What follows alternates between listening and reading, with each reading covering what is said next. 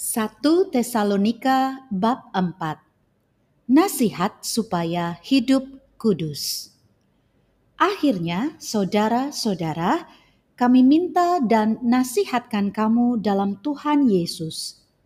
Kamu telah mendengar dari kami bagaimana kamu harus hidup supaya berkenan kepada Allah. Hal itu memang telah kamu turuti tetapi baiklah kamu melakukannya lebih bersungguh-sungguh lagi.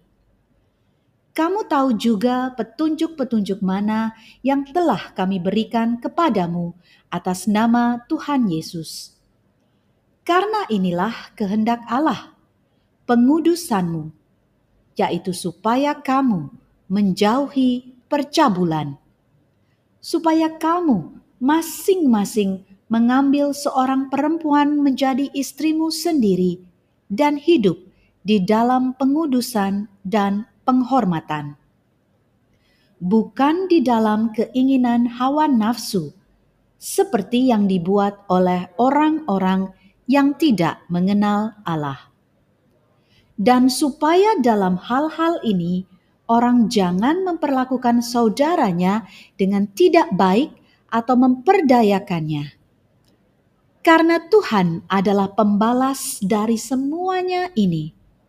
Seperti yang telah kami katakan dan tegaskan dahulu kepadamu. Allah memanggil kita bukan untuk melakukan apa yang cemar, melainkan apa yang kudus.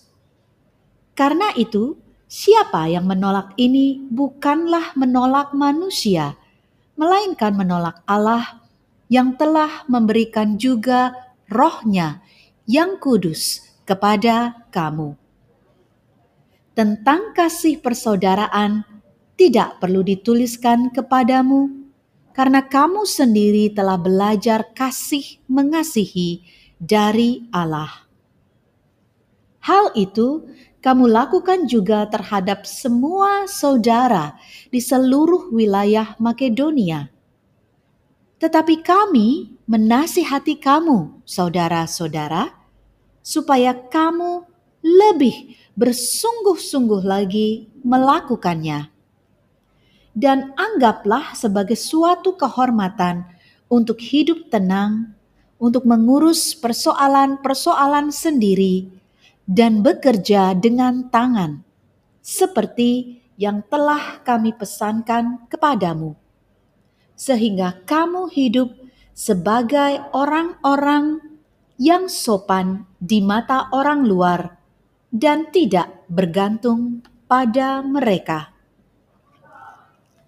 Kedatangan Tuhan.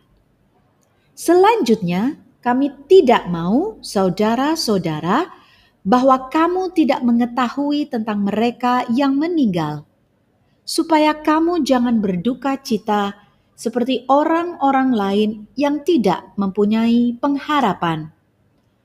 Karena jikalau kita percaya bahwa Yesus telah mati dan telah bangkit, maka kita percaya juga bahwa mereka yang telah meninggal dalam Yesus akan dikumpulkan Allah bersama-sama dengan Dia.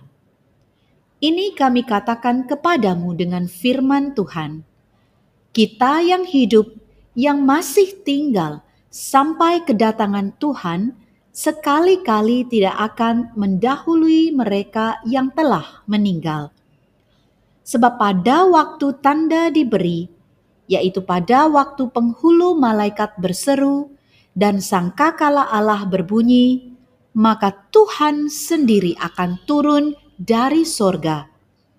Dan mereka yang mati dalam Kristus akan lebih dahulu bangkit.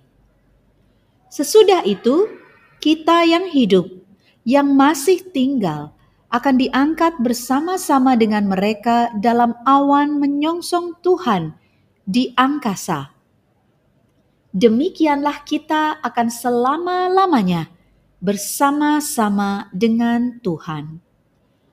Karena itu, hiburkanlah seorang akan yang lain dengan perkataan-perkataan ini.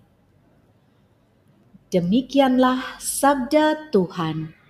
Syukur kepada Allah.